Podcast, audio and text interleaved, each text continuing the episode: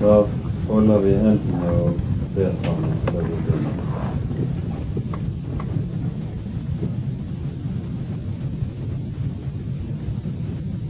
Kjære gode og hellige Gud og Far. Vi kommer sammen for ditt ansikt på nytt. Og vi ber deg at du vil være her og tale til oss. For den som du ikke bygger huset, da bygger vi forgjeves som arbeider på det. Og dersom du ikke vokter byen, vokter vekteren forgjeves. Kjære Far, du har gitt din egen sønn for at vi skal få være liv for ham. Vil du åpne våre øyne og åpne våre hjerter til å se og verdsette det du har gitt oss. Og frels oss fra å komme bort fra livet. Amen.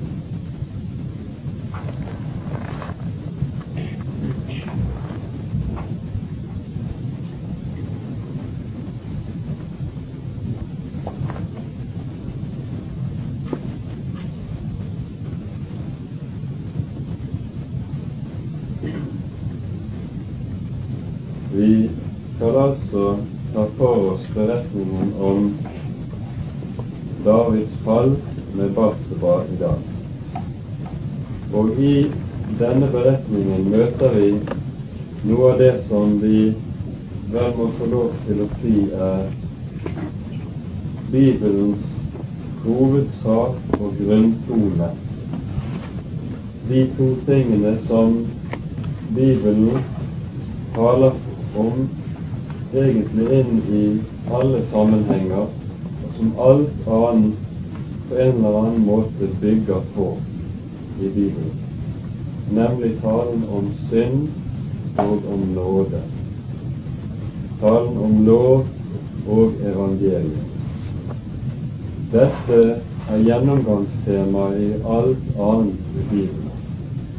Og vi møter det uhyre klart nettopp her i beretningen om Davids synd og hans oppreisning igjen.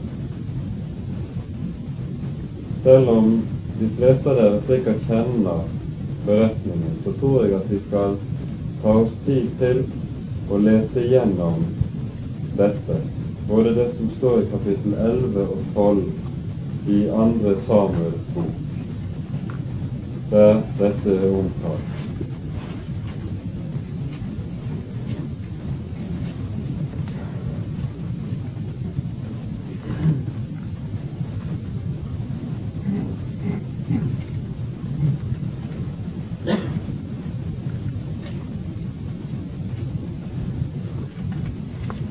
Vi leser fra vers 1 i kapittel 11.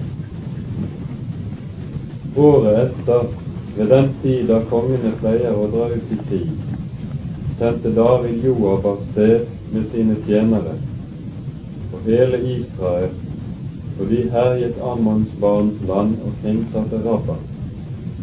Men David ble i Jerusalem. Så hendte det en aften at David sto opp fra sitt leie og gikk omkring på kongehusets tak. Da fikk han fra taket se en kvinne som badet seg. Kvinnen var meget fager av utseende. David sendte bud og spurte seg for om kvinnen, og de sa, Det er jo Batseba, datter av Eliam og hetitten Urias hustru. Da sendte David bud og lot henne hente. Hun kom til ham, og han lå hos henne like etter at hun hadde renset seg fra sin urenhet. Så gikk hun hjem igjen. Kvinnen ble fruktsommelig, og hun sendte bud om det til David og lot si, Jeg er fruktsommelig. Da sendte David det bud til Joab. Send hetitten Uria til meg. Joab sendte Uria til David. Da Uria kom til ham, spurte David ham om det sto vel til med Joab og med krigsfolkene. og hvorledes det gikk med krigen, så sa David til Uria, gå ned til ditt hus og svett dine føtter. Og da Urias gikk ut av kongens hus, ble det sendt en rett mat etter ham fra kongens bord. Men Uria la seg ved inngangen til kongens hus sammen med alle sin herres tjenere og gikk ikke ned til sitt hus. Da det ble meldt David at Uria ikke var gått ned til sitt hus, sa David til ham, Kommer du ikke fra reisen, hvorfor er du da ikke gått ned til ditt hus? Da svarte Uria, Arken og Israel og Juda bor i løvhytter, og min herre Joab og min herres tjenere ligger i leir på åpen mark. Og jeg skulle gå i mitt hus og ete og drikke og ligge hos min hustru. Så sant du lever, så sant din sjel lever, det gjør jeg ikke. Da sa David til Uria, bli her også i dag, så vil jeg i morgen la deg fare. Og Uria ble i Jerusalem den, den dag og dagen efter. Og David bar ham til seg, og han åt og drakk hos ham, og han drakk ham drukken. Og om aftenen gikk han ut og la seg på sitt leie sammen med sin herres tjenere. Men til sitt hus gikk han ikke ned. Morgenen etter skrev David et brev til Joab og sendte det med til Uria. Og sendte det med Uria. Og i brevet skrev han således Sett Uria lengst frem der hvor striden er håret, og dra dere tilbake fra ham, så han blir slått og dør. Mens når Joab lå og voktet på byen, satte han Uria på et sted hvor han visste at det var djerve menn. Og da mennene i byen dro ut og stred mot Joab, falt noen av krigsfolket, av Davids menn, og kritikken Uria døde også.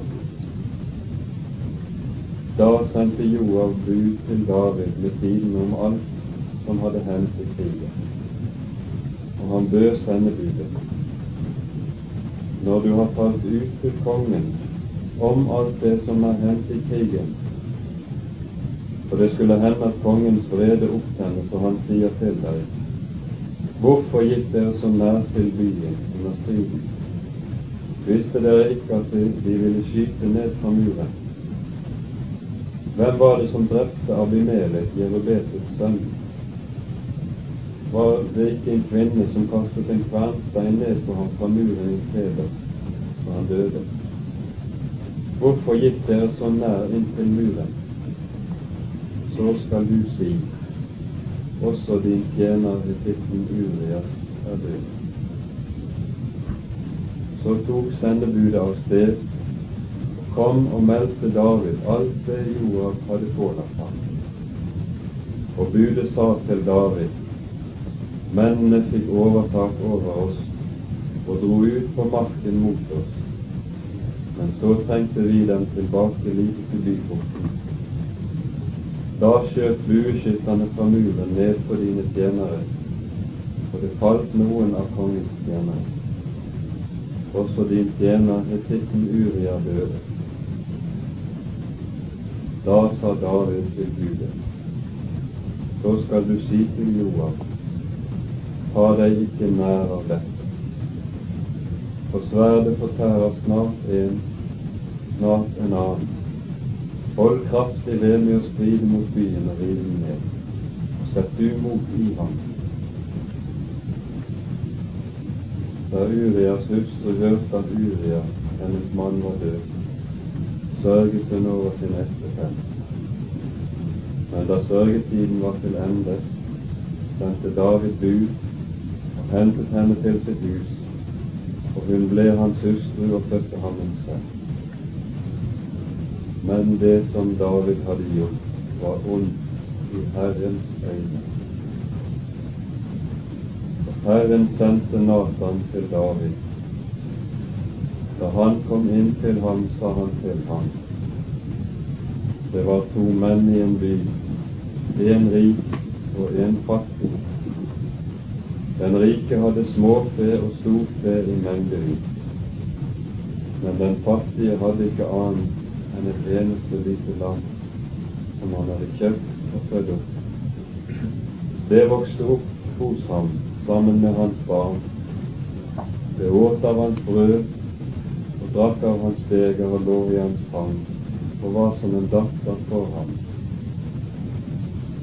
Så kom det en veifarende mann til en rike, men han nevnte ikke å ta noe av sitt småfe eller storfe og lage det til for den reisende som var kommet til ham, men tok den fattige manns lam og laget det til for den mann som var kommet til ham.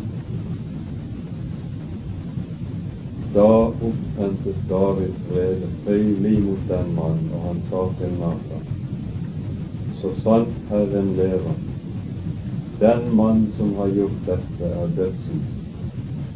Lammet skal han betale firedobbelt, fordi han gjorde dette og ikke viste barmhjertighet.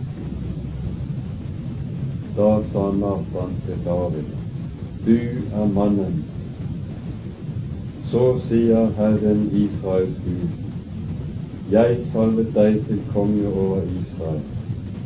Jeg fridde deg ut av Sauls hånd, og jeg ga din, deg din Herres hus, og din Herres hus var i din favn. Jeg ga deg Israels og Judas hus, og var det for lite, så ville jeg ha gitt deg enda mer, både det ene og det annet. Hvorfor har du foraktet Herrens ord og gjort det som ondt er i Hans øyne? Med titten Uria har du slått med sverdet. Hans hustru har du tatt til hustru for deg selv, og ham har du drept med Ammons barns sverd. Så skal nå sverdet aldri vike fra ditt hus, fordi du har foraktet meg og tatt hetitten Urias hustru til hustru for deg selv. Så sier Herren, se, jeg lar ulykke komme over deg fra ditt eget hus. Jeg vil ta dine hustruer for, for dine øyne gi dem til en annen mann. Og han skal ligge hos dine hustruer, så solen her er vitne til det. Og det du gjorde, gjorde du i lønndom. Men jeg vil gjøre dette for hele Israels øyne og midt på lyse dagen. Da sa David til Nathan, jeg har syndet mot Herren. Og Nathan sa til David, så har også Herren borttatt din synd.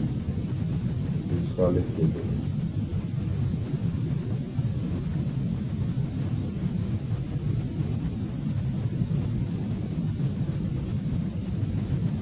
Denne beretningen kjenner vi alle sammen fra vi er Vi har vel hørt den fra vi var små, alle.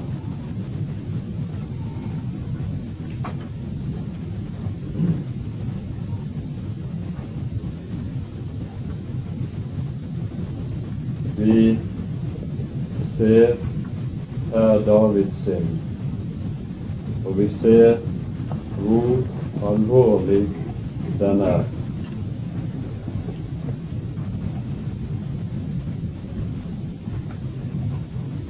Skal prøve å gå inn i noe av det som skjer her.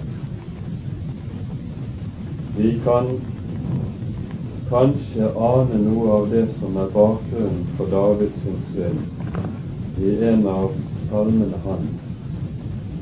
I Salme 30, vers 7 og vers 8 sier David slik.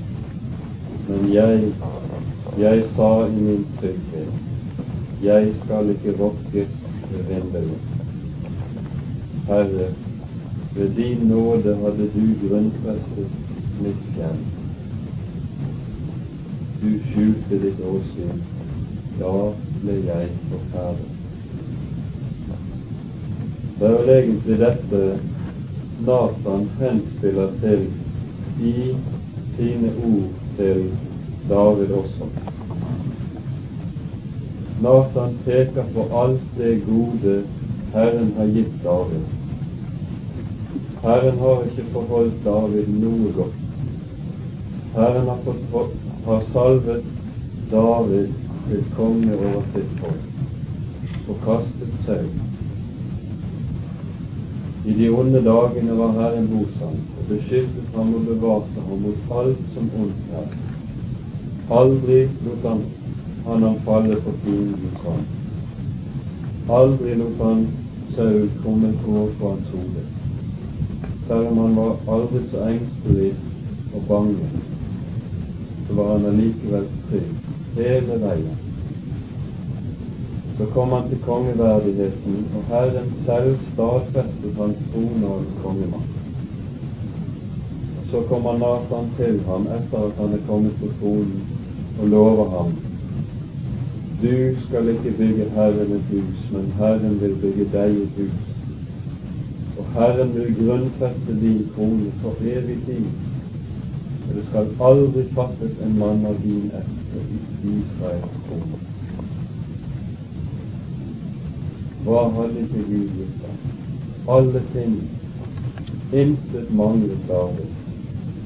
Han hadde rikelig fått erfare hva det vil si å være Guds barn og hva det vil si å være Guds tjener. I kapitlene etter disse store løftene om at Messias skal fødes i Davids hus, så ser vi hvordan David går fra seier til seier. Intet kan stanse ham fordi Herren er med ham og vil trygge hans makt og vil trygge Israel mot fienden så er det akkurat som om David, nettopp når han er på toppen av sin makt, da er det han faller. Når Gud har lagt sin velsignelse regne over ham som styrt regn, så er det liksom alt plutselig faller fra hverandre. Denne ene gang. Og vi aner her hva som ligger bak. Nemlig den sannhet vi har vært inne på flere ganger tidligere. At når et menneske får oppleve det og har det så meget av velsignelse, så er det veldig lett at den åndelige sansen sløver. Og så sier man 'Jeg er trygg, det er ingen fare'. Man tror det at medgangen på ytre område er tegn på at nå er jeg også trygg hos fienden på det indre området. Så sier man fred og ingen fare. Så kommer fallet.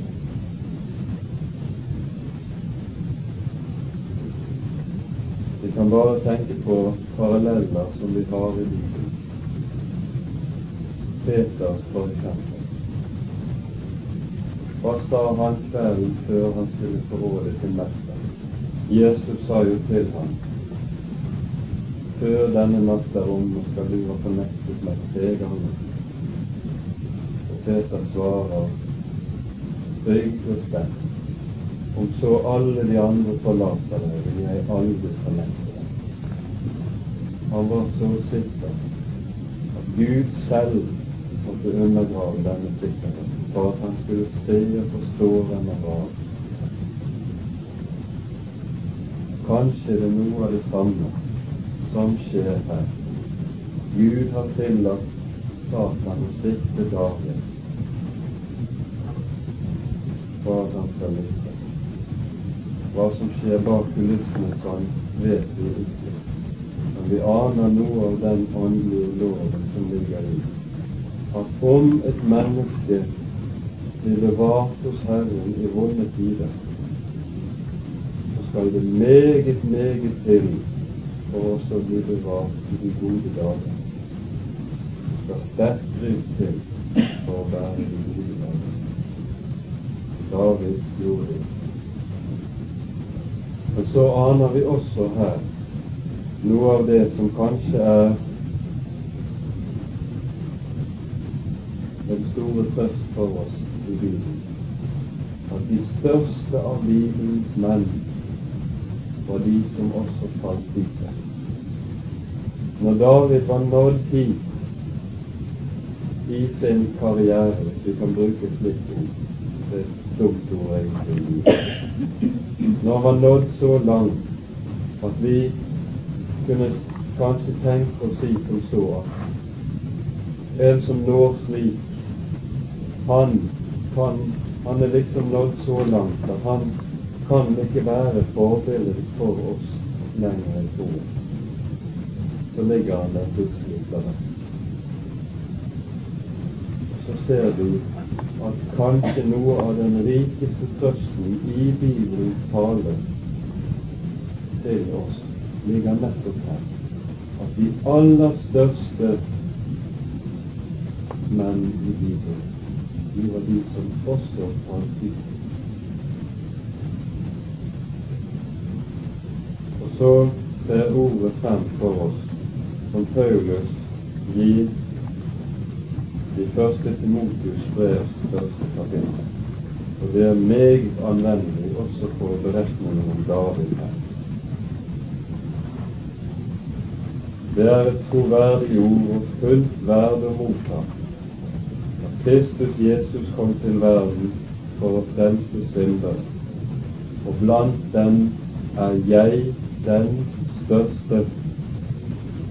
Men, sier han, derfor fikk jeg miskunn, for at Jesus Kristus for meg først kunne vise hele sin langmodighet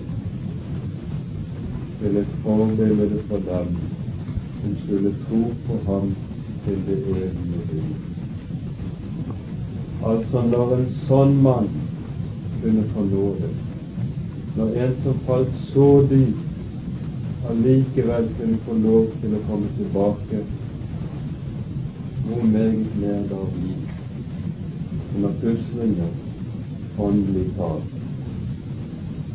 Puslinger gjerne også en stund.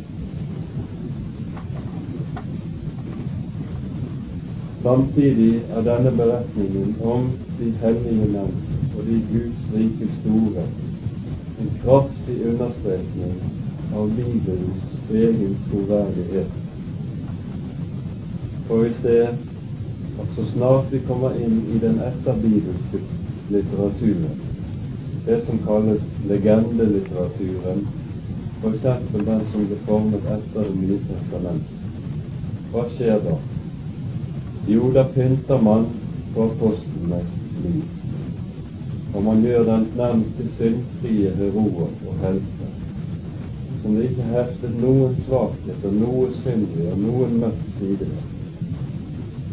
Og på samme måten når jødene skal utlegge Det gamle testamentet, fariseerne i sine skrifter taler om disse tingene, så vil de pynte på det som står. De vil ta bort alvoret i det, avsvekke det, sånn at det liksom ikke er så så her ute der. Nei, Bibelen står der og beretter sant og virkelig at de hellige er syndere. Våre fedre er ikke kommet hellige. Og det er kanskje noe av det sterkeste sannhetslige utgjøret fra vår bibel. Bare et eksempel. Markusevangeliet er gitt oss gjennom Markus. Markus var Peters tolk dette evangeliet er samtidig det evangeliet som kraftigst taler om Peters fornektelse, og minst omtaler det som ellers sies om Peter i de andre evangeliene. Peter er den første av apostlene, lederen som hadde fått Guds rikes nøkler utgjøre. Dette skyves unna i det evangeliet, fordi Markus ber etter Peters nød.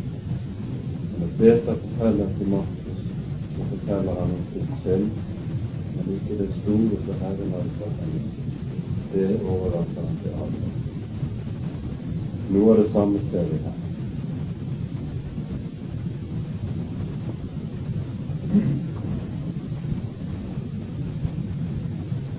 David faller altså.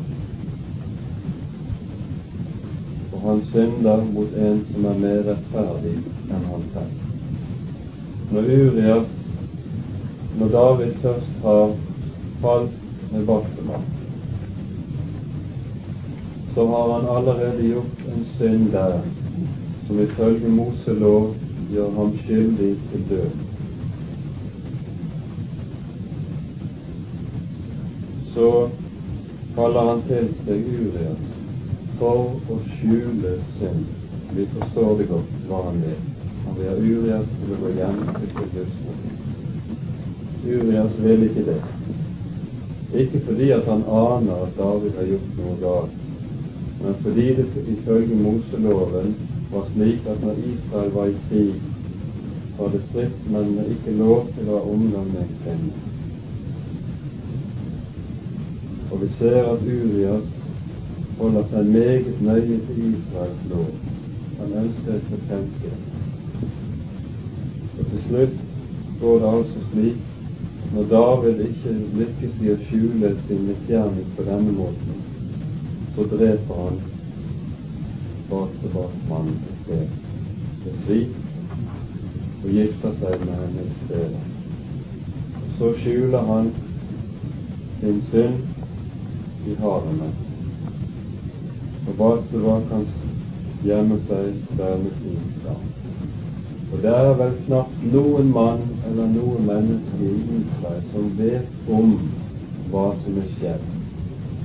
David har i hvert fall klart å skjule det for mennesker.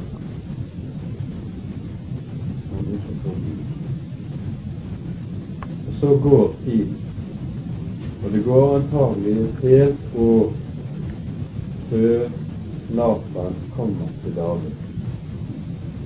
Det ser vi fordi det barnet som er unnfanget i Batsebas allerede er født når Nathan kommer til ham. Altså, det skjer ikke dagen etterpå.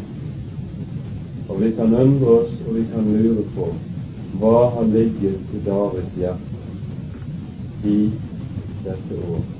Hvordan har han hatt det? For David kjente jo veldig godt Moseloven. Og han visste godt hva han hadde gjort. Og om han hadde skjult synd som ingen i Israel visste om det, han altså så å si hadde berget ansikt for alle i Israel, så hadde han allikevel ikke gått med seg selv. Det ser vi av Salme 32, som er skrevet en stund etter dette som vi leser om her.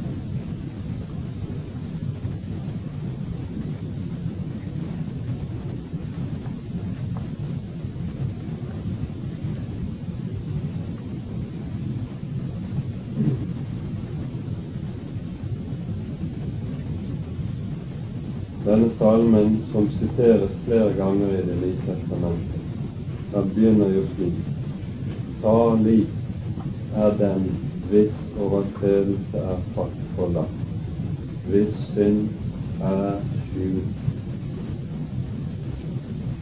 Men så står det sånn i vers 3 og 4. Da jeg tidde, ble mine ben bortskjæret, idet jeg strømmet hele dagen for dag og natt lå din hånd tungt på meg, min livssaftvann som et sommerens tørke til land. Altså, i dette året som lå imellom her, så må David ha kjent at samvittigheten trykket, trykket og trykket. Det ble tyngre og tyngre for ham. Etter hvert mistet han all glede i livet all glede av Basra, all glede av den sønnen. Men allikevel, bekjenne ville han ikke, bekjenne kunne han ikke. Og han hadde skjult sin synd. Så sender Gud til slutt Natan til David. Du er mannen.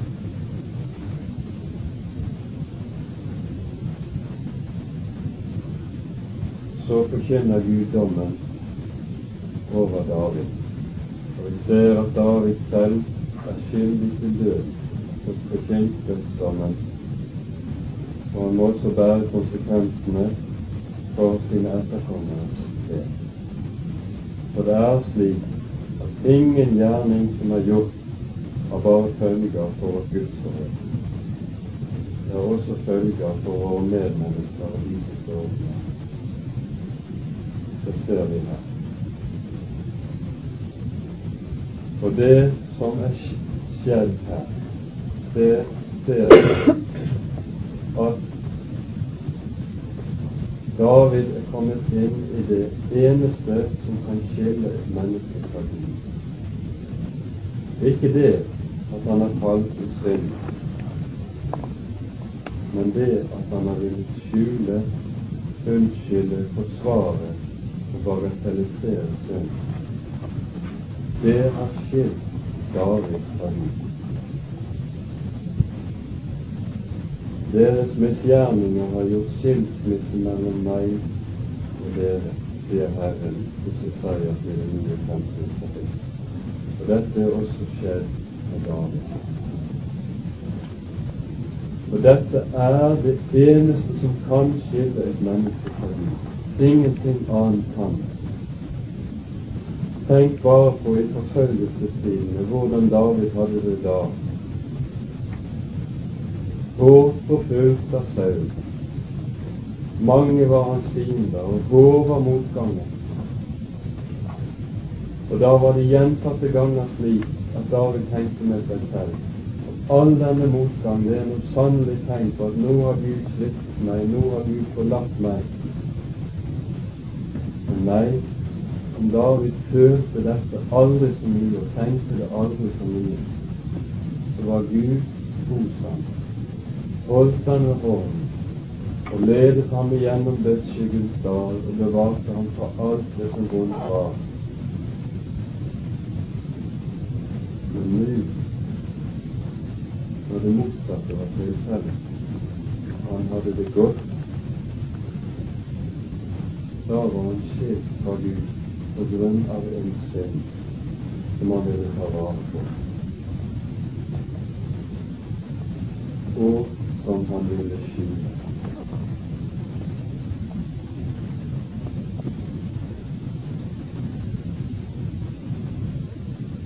Så kommer altså Nathan.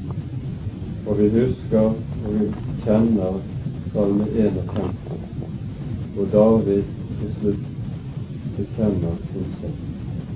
David sier og svarer Nathan her på det som kommer. Jeg har synd.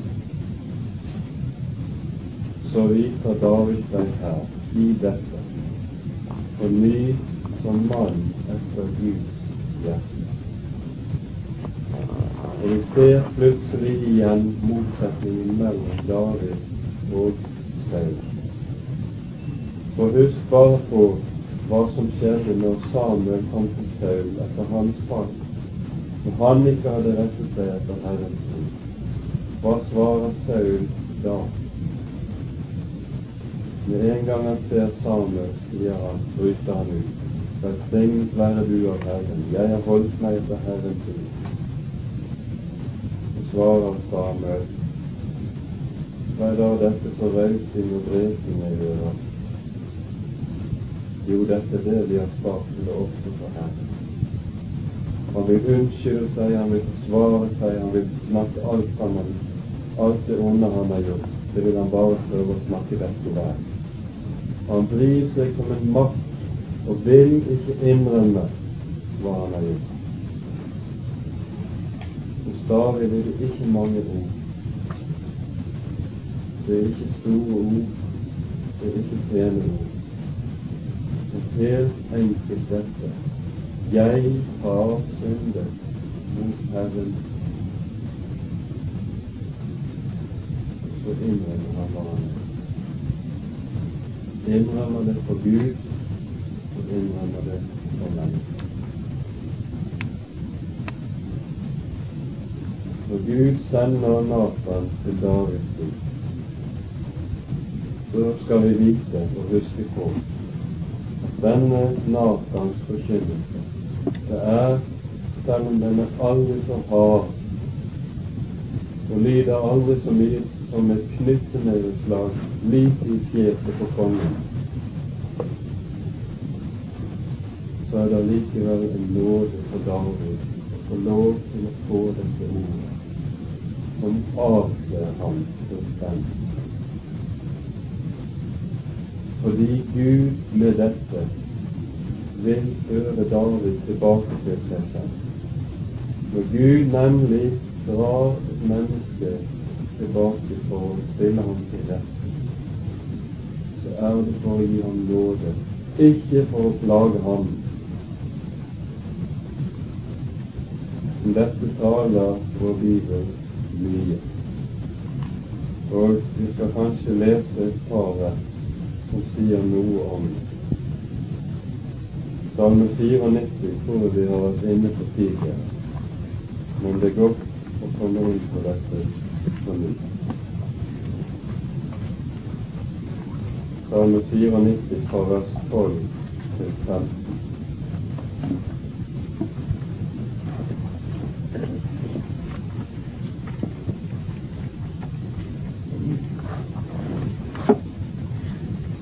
Salig er den mann som du, Herre, refser og gir lærdom av din lov.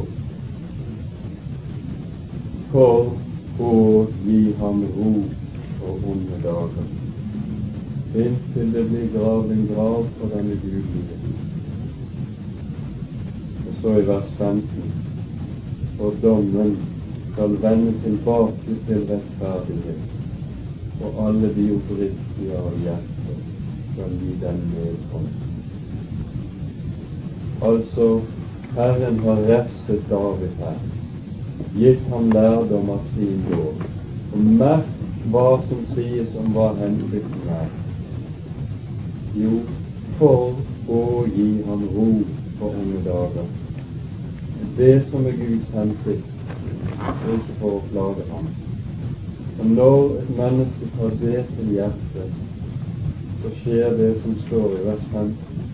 Dommen vender tilbake til rettferdighet. Hvordan? Jo, gjennom det som vi leste i Salme, 5, Salme 32, vers 5. Jeg bekjente min misgjerning for deg, skjulte ikke min synd. Da tok Herren bort mine overtredelser. Altså rettferdigheten besto ikke i lenger at David prøvde å skjule sin synd og holde seg for en rettferdig mann. Men tvert om, han sa og bekjente åpent, jeg er slik, det er sant, Herre, som du sier. Og da fant Herren det rett. Dommen vender tilbake til rettferdighet, fordi Gud gjør David Her skal vi være oppmerksom på at her skiller Bibelen mellom to diametralt motsatte måter å forholde seg på overfor Gud og overfor synd og det som er. For det første den mann som prøver å skjule sin synd selv, enten det nå er for Gud eller for mennesker. Han kommer Gud til og drar synden frem i lyset og forkynner den på takene, sånn som Jesus sier. Men den mann som mottar, ikke skylder sin synd, men åpent innrømmer det, ja, slik er det. Han kommer Gud til å skjule synden for ham. Han skal slippe å bekymre seg om å skjule synden selv og Gud gjør det for ham. Salig er den mann hvis overtredelse er forlatt, hvis synd er skjult. Det er Gud nemlig som skjuler den synden.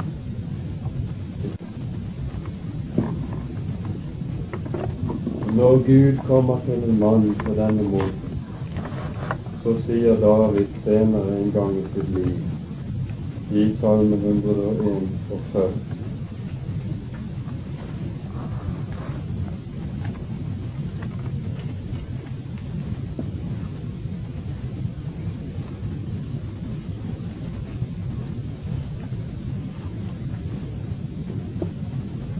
vers 5, der står det slik.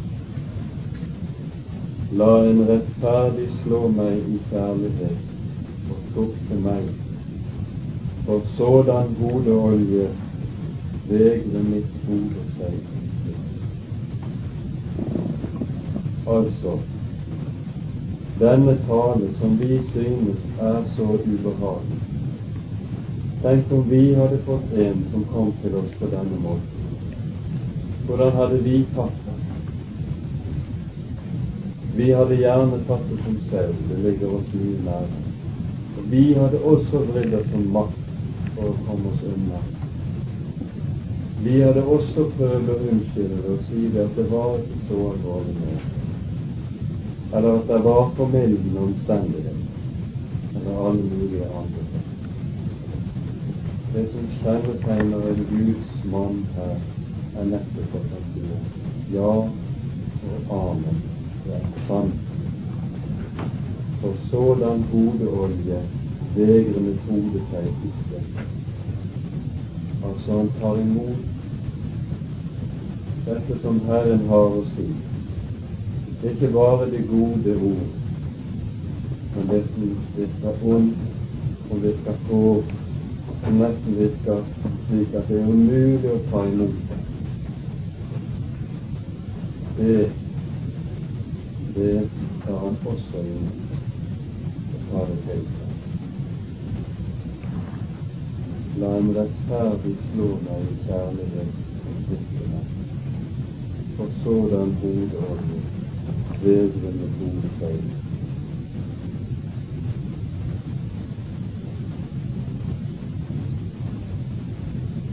Her møter vi også noe av det som er Bibelen det som er Bibelens ord for bekjennelse.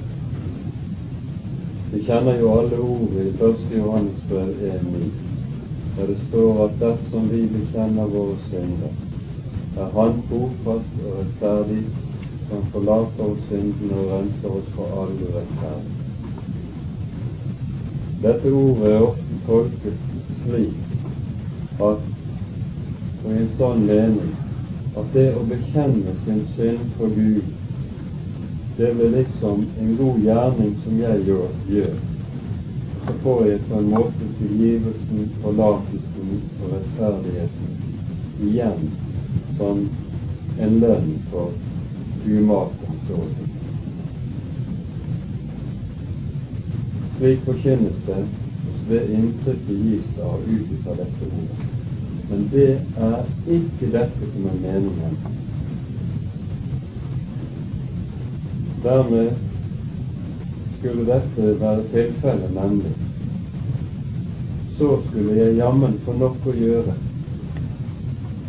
Dersom det nemlig var en betingelse for at jeg skulle bli eie synstilgivelse i denne mening, så skulle det jo dermed også være sagt at jeg vær så god skal sørge for å bekjenne alle mine synder for Gud.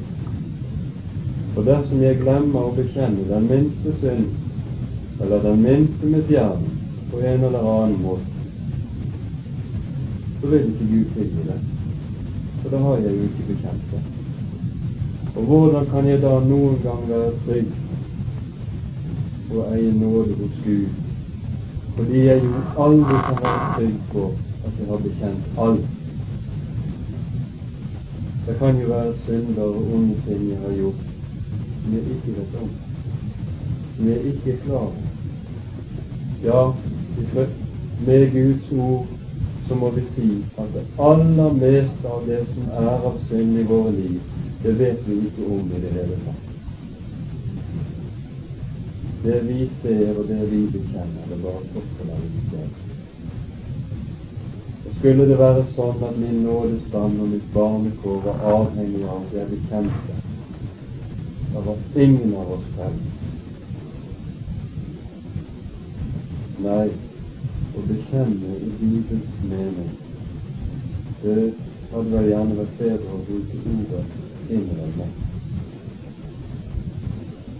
Det betyr rett og slett at når Han som er Herre og Gud, kommer og sier Du er mannen, sånn som han sa til David ved Nathan, så sier han ja. Det er å bekjenne. Å bekjenne er altså ikke holde på å ligge på sine knær dag og natt og grave i sitt hjerte for å finne mer synder som vi ikke har bekjent.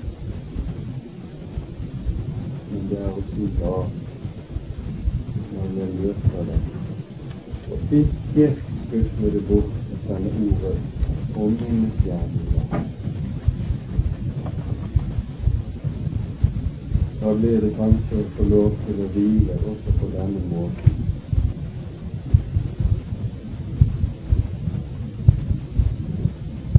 en ting til. Staten skal være ensbetydende med at Gud så gjennom med synd. Og synd var bagateller i Guds.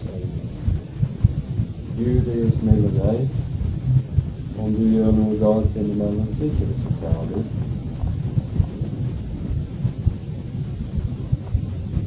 Slik taler ikke Nathan.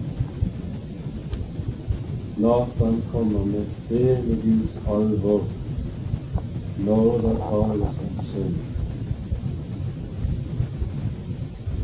Du er mannen for din misgjerninger skyld til død. Slik taler nemlig Bibelen om synd. Og vi er uhyre farlige ute å kjøre dersom vi glemmer den delen av Guds ord vi synes det er ubehagelig, og vi synes det er upopulært å tale slik, eller for det vi synes at kanskje kan søke noen vekk ved å tale. Vi må regne med at mennesker vil reagere på slik tale. Bibelen taler rikelig om de som gjorde det. Så er det kanskje en av annen som sier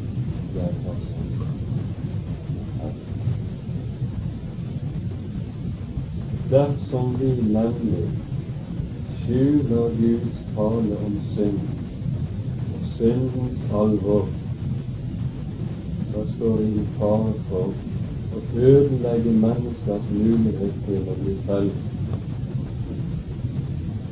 Det er det vi gjør i dag når vi fortier visse sannheter.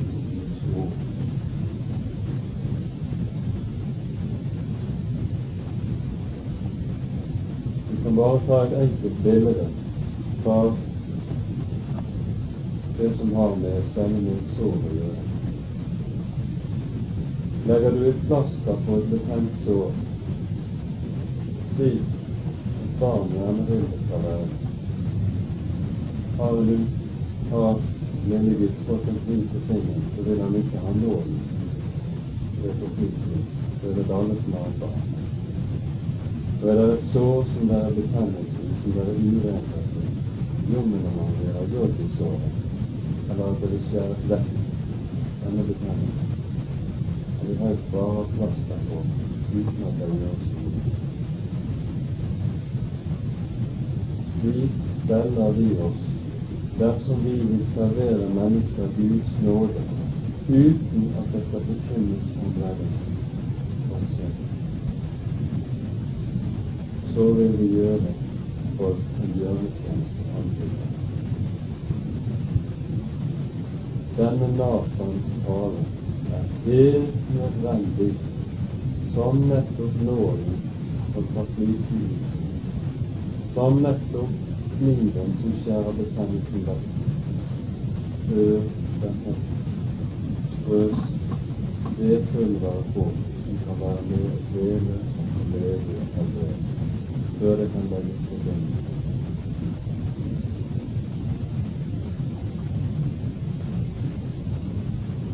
Synd i livets forstand, hva er det?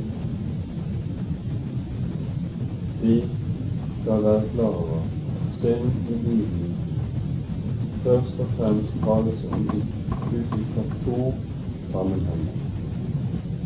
For det første tales det ut fra Guds synspunkt, så å si.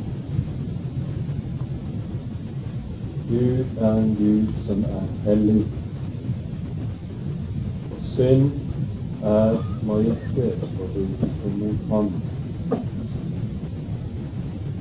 Synd er noe som ikke kan forlikes med Guds vesen.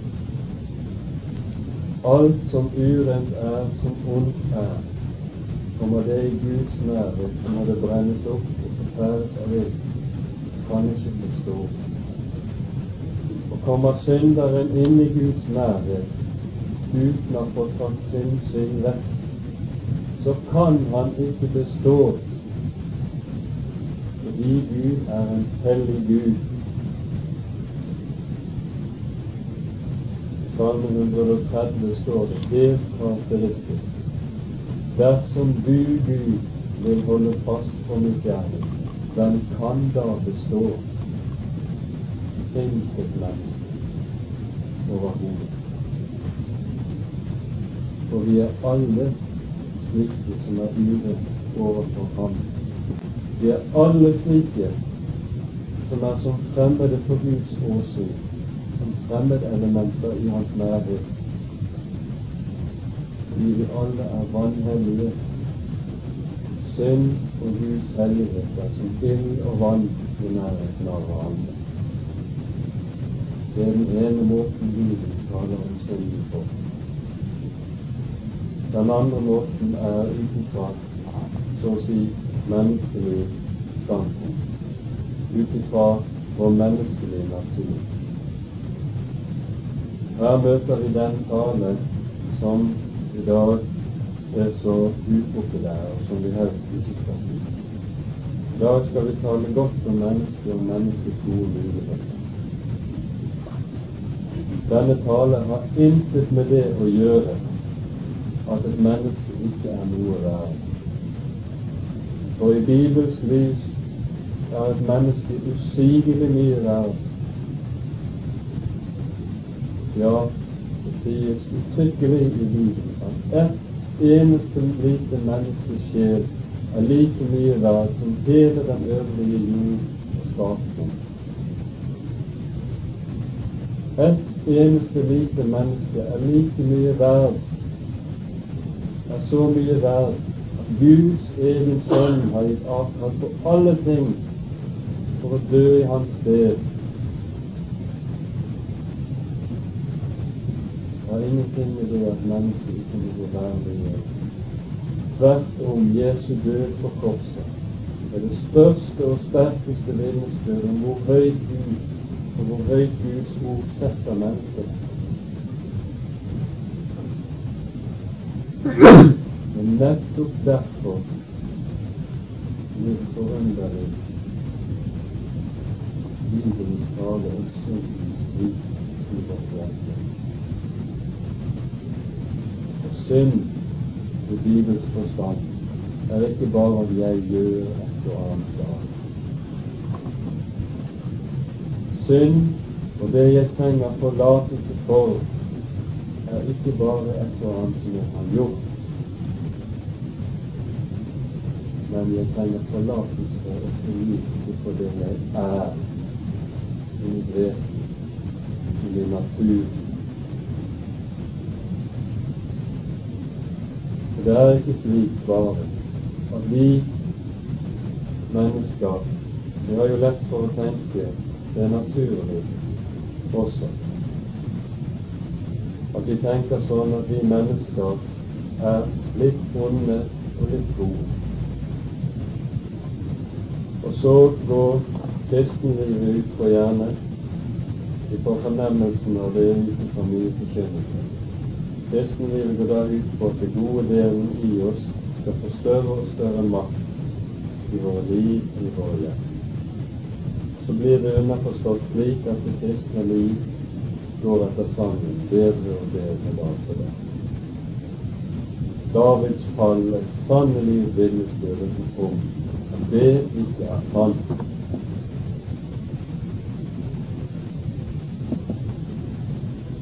Synden Bibels mening er en makt som hersker over menneskets hjerte. Du merker ikke denne makt alltid. Det mennesket som lever borte fra Gud, han merker det slett ikke. Det mennesket som ikke kjenner Guds lov, han merker det slett ikke. Men det mennesket som begynner å komme i nærheten av Gud, og begynner å ta på alvor at Gud sier du skal ikke stjele. Du skal ikke lyve. Skrive bok som sier du skal ikke begjære. Altså at det å ha lyst til det onde til og med er synd. Det mennesket begynner å ane synden har makt i mitt liv. Det har en slik makt at den holder meg fanget som selv. Og når jeg prøver å fri meg fra det, og meg av det ved å forbedre meg, ved å streve det dag og dag, dag for dag ved å ta meg sammen, ved å prøve å tjene Gud, legge av meg det onde, gjøre bedre gjerninger, da vil jeg mer og mer oppdage at jeg klarer det ikke. Det er ikke jeg som er herre over synden og det onde i mitt liv, fra det. Tvert om.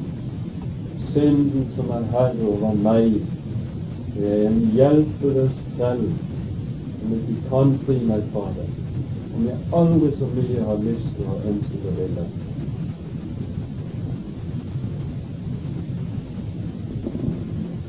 Derfor, fordi mennesket har gjort dette, er det sjøl du har gjort. Den første Mosebok, sjette kapittel. Og ordet kjød i den gamle bibeloversettelsen i den nye er ordet dessverre strøket. Det er forferdelig galt fordi det er ordet kjød som brukes i grunnteksten både på hebraisk og gresk. Ordet sjøl, det betegner nettopp meg som den mann som er under syndens makt og ikke kan fri fra. Vil vi vite hvordan Bibelen taler om mennesket, og om menneskets onde natur, hva jeg er, ikke hva jeg gjør, Så kan vi lese noe av det som sies i Romerbrevet tredje kapittel.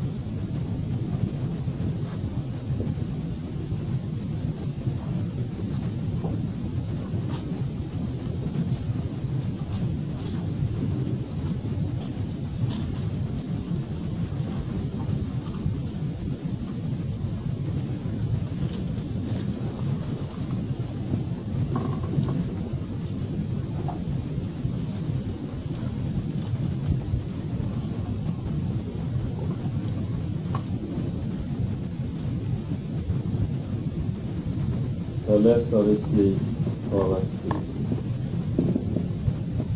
Det finnes ikke én rettferdig, men ikke én. Det finnes ikke én som er forstandig.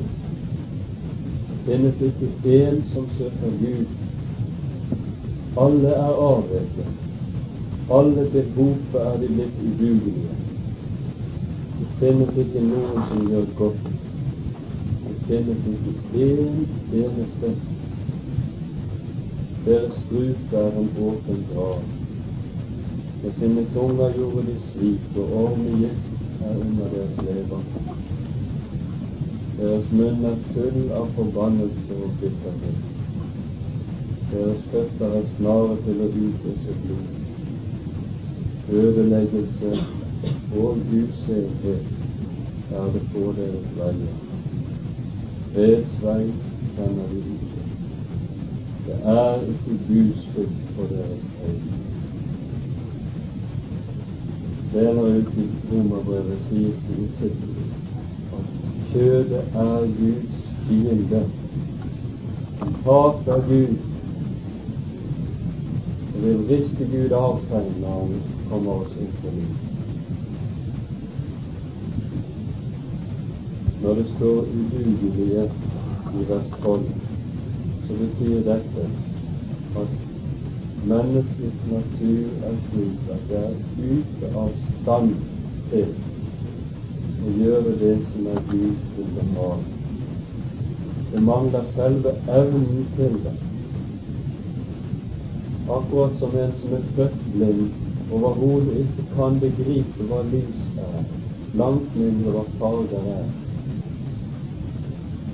like ubegripelig og like umulig er det for kjødet å gjøre godt, se Gud eller å kjenne Gud. Det er naturstridig imot den menneskelige natur. Derfor må vi si nettopp med Bibelen og med Bibelens menneskesyn i hånd at det naturlige mennesket, kjødet, har ingen forutsetning i seg selv verken for å bli eller for å leve som Guds barn. Derfor må det fødes på nytt. Det må skapes noe helt nytt. Talen om gjenfødelsen er nettopp gitt oss fordi er forutsatt at gamle må håndteres. Gud kan ikke bruke det. Stedet mellom komme og nytt.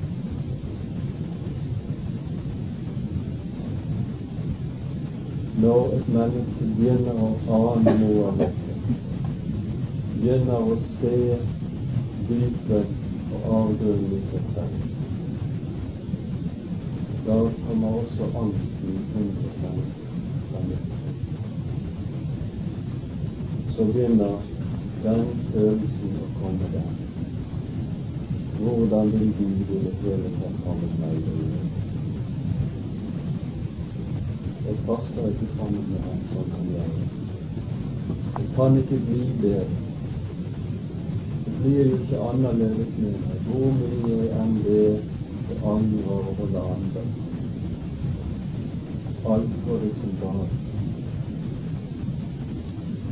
Fristes man både til å gi opp, og vi kan godt si gi etter for den vi opp går gå.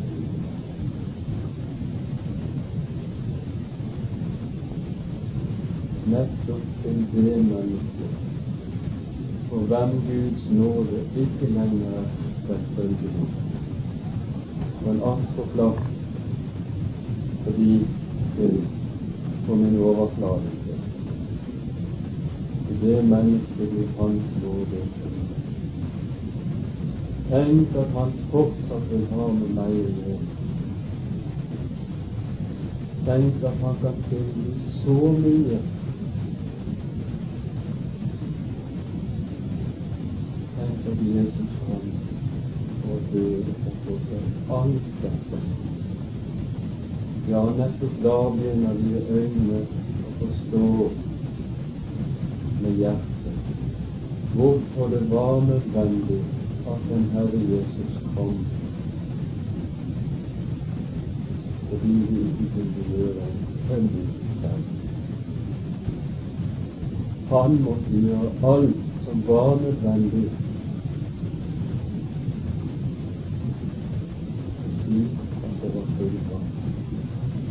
skal vi få gå inn i noe som blir rettferdig.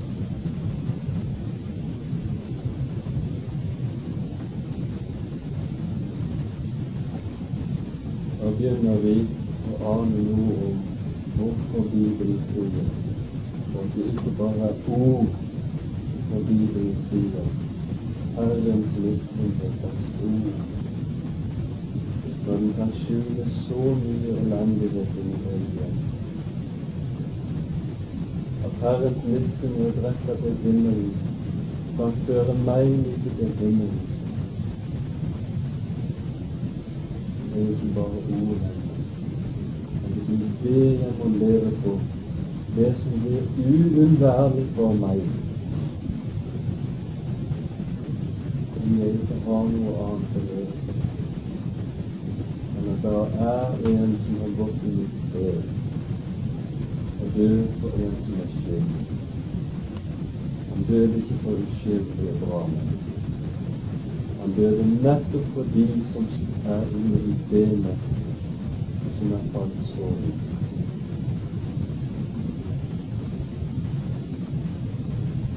Da blir det ikke så lett å tale om Guds nåde og fornyelse.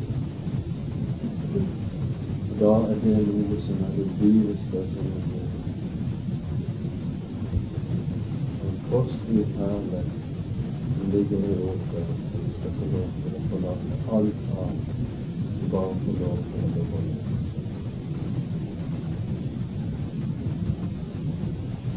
Jeg tror vi skal slutte med å lese noen vers fra David Salme 51.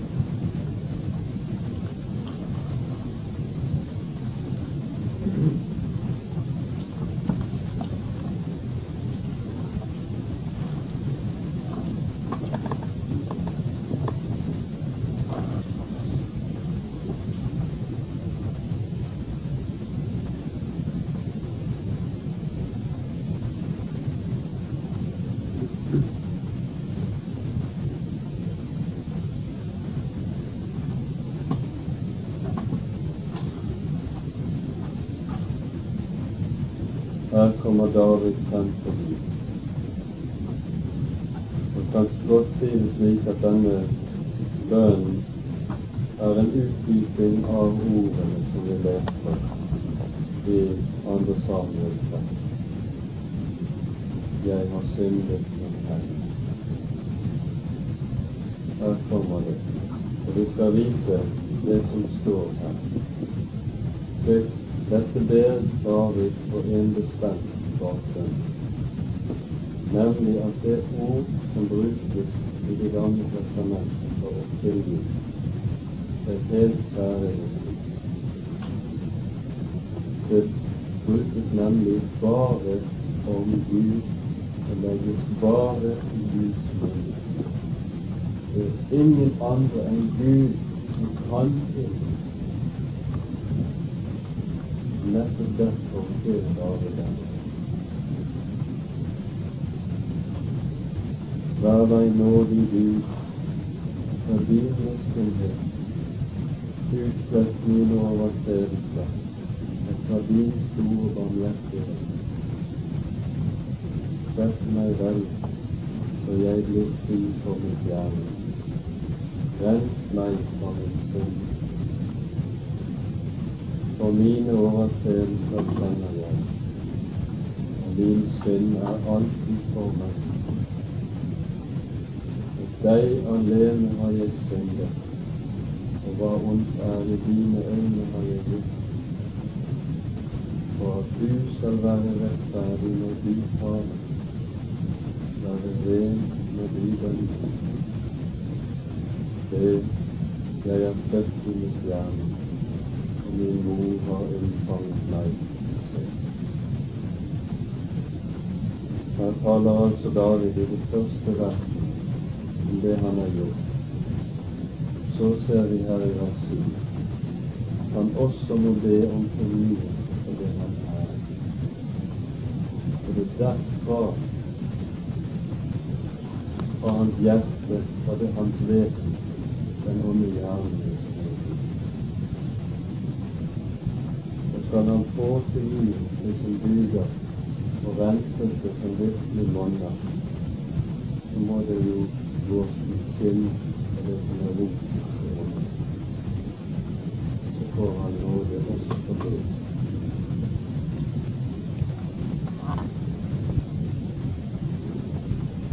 Det du har lyst til sannhet i hjertet ditt, så lær meg da visdom i hjertet. Rens meg for sinnet, Isak, så jeg blir ren. Rett meg så jeg blir rikere enn snø. La meg høre fryd og glede. La de ben fryde seg som du har søndagsgjort skjul og åsyn for mine sønner, og utslett alle mine misgjerninger. Du skap i meg et rent hjerte, forny en stadig ånd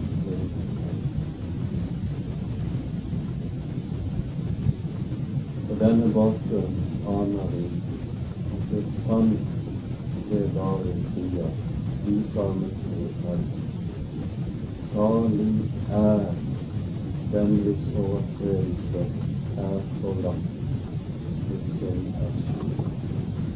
Han sier ikke at man skal bli men at han er det.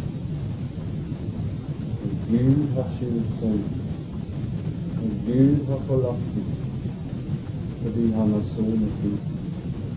Når Gud ikke lenger tilregner det, da er et menneske farlig, hvordan man enn ender farlig.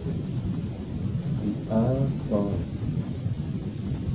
Derfor er det også sant, dette ordet som vi har fra reformasjonen. Der